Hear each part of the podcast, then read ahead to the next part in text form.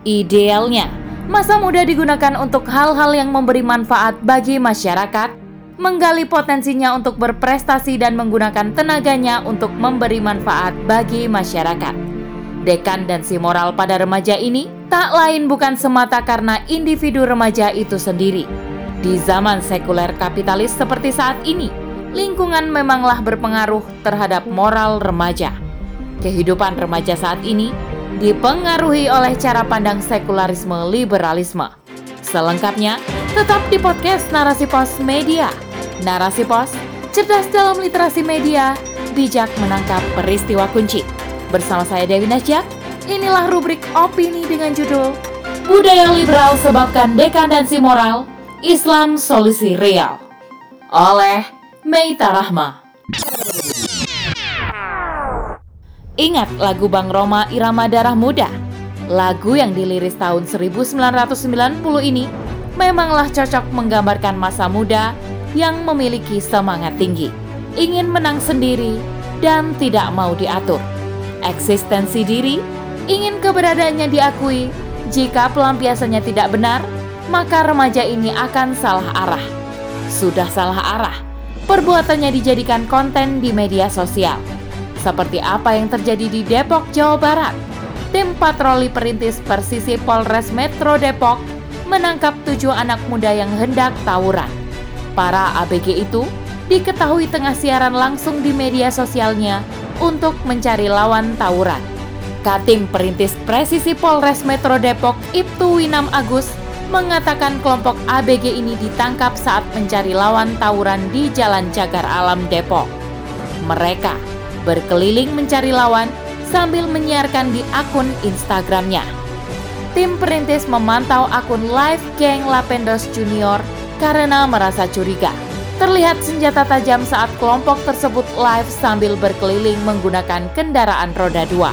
Tujuh ABG yang rata-rata berbonceng tiga itu lalu diadang sampai di lokasi cagar alam untuk diamankan ke kantor polisi dan dilakukan pemeriksaan. Namun, Tiga remaja lainnya melarikan diri meninggalkan kendaraannya. Polisi juga menyita empat senjata tajam jenis celurit dan parang dari ketujuh ABG tersebut.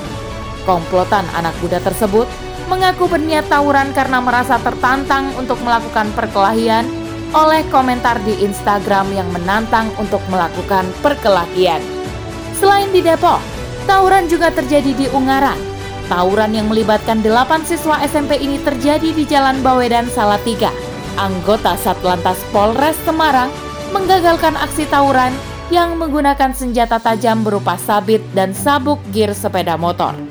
Kapolres Semarang AKBP Yovan Fatika HA melalui Kasat Lantas Polres Semarang AKP Randy Johan Prasetyo mengatakan bahwa penggagalan aksi tawuran ini bermula dari informasi warga di sekitar lokasi. Dari laporan warga, ada dua kelompok remaja yang sudah saling berhadap-hadapan dan siap tawuran di sekitar restoran Kampung Kopi Banaran. Atas laporan tersebut, sejumlah anggota Satlantas Polres Semarang menuju ke lokasi yang diinformasikan. Anggota Satlantas Polres Semarang mengamankan delapan remaja dan mengamankan sejumlah barang bukti antara lain seperti sebilah sabit, tiga buah sabuk gir, tiga botol minuman bersoda, serta delapan sepeda motor. Delapan remaja yang diamankan terungkap dua kelompok remaja tersebut merupakan siswa SMP di wilayah Ambarawa dan Bawen. Ada juga anak yang berstatus putus sekolah dan ikut bergabung dengan kelompok siswa yang akan melakukan aksi tawuran tersebut. Begitulah potret remaja masa kini yang salah dalam pergaulannya pencarian jati diri yang belum menemukan arah yang benar. Sayang sekali, potensi dan tenaganya digunakan untuk hal-hal yang tidak bermanfaat dan terlebih membawa mudarat bagi masyarakat.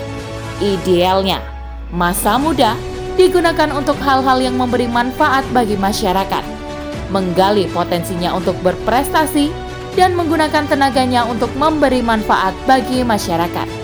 Dekadensi moral pada remaja ini tak lain bukan semata karena individu remaja itu sendiri.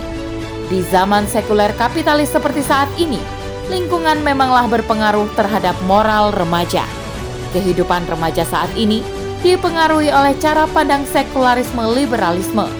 Gaya hidup barat atau gaya hidup ala-ala Korea telah memengaruhi pola pikir remaja saat ini. Gaya hidup barat yang serba permisif, liberal, telah menjangkiti moral para remaja. Budaya hedonis melalui food fun fashion menjadi tren di kalangan remaja. Melalui media massa, konten-konten yang tak mendidik pun bebas diakses. Bisa dilihat dari kejadian tawuran di Depok ini yang rencananya akan live melalui Instagram. Beberapa waktu yang lalu juga sempat viral video salam dari Binjai yang membuat anak-anak meniru gaya salam dari Binjai ini. Ini semua sudah mewakili fakta bahwa media sosial banyak konten-konten yang tidak mendidik. Jauhnya remaja dari Islam juga berpengaruh pada kepribadian remaja. Remaja saat ini memiliki kematangan fisik, tetapi tidak diimbangi dengan kematangan agama. Akidah yang tidak kukuh membuat mereka bebas dalam bertingkah laku. Seperti hidup itu hanya di dunia saja, tidak ada pertanggungjawaban di akhirat kelak. Jadilah mereka salah dalam menggunakan atau menyalurkan potensinya.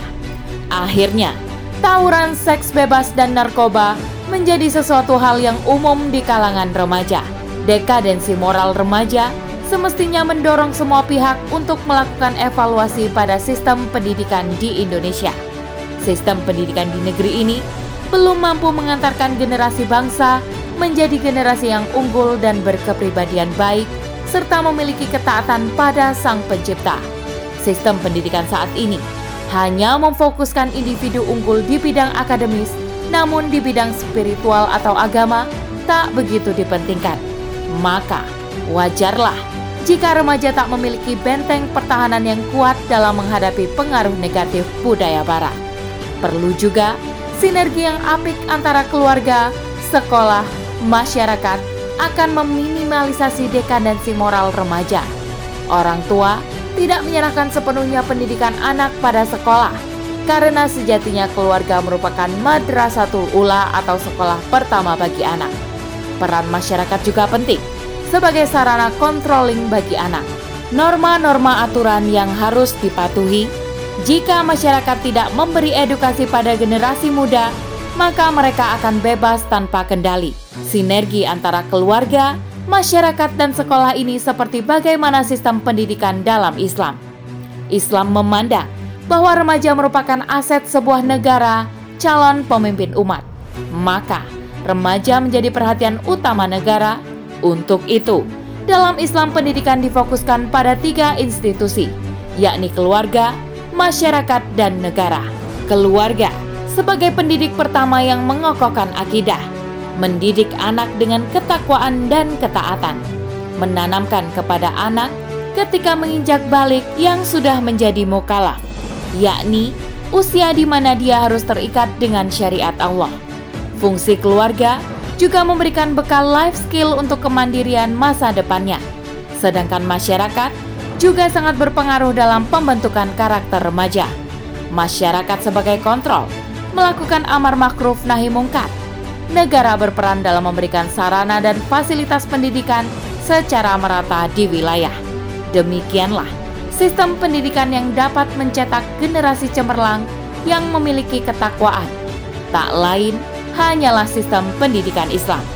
Sistem pendidikan ini bisa diterapkan dalam sebuah negara yang menerapkan syariat Islam.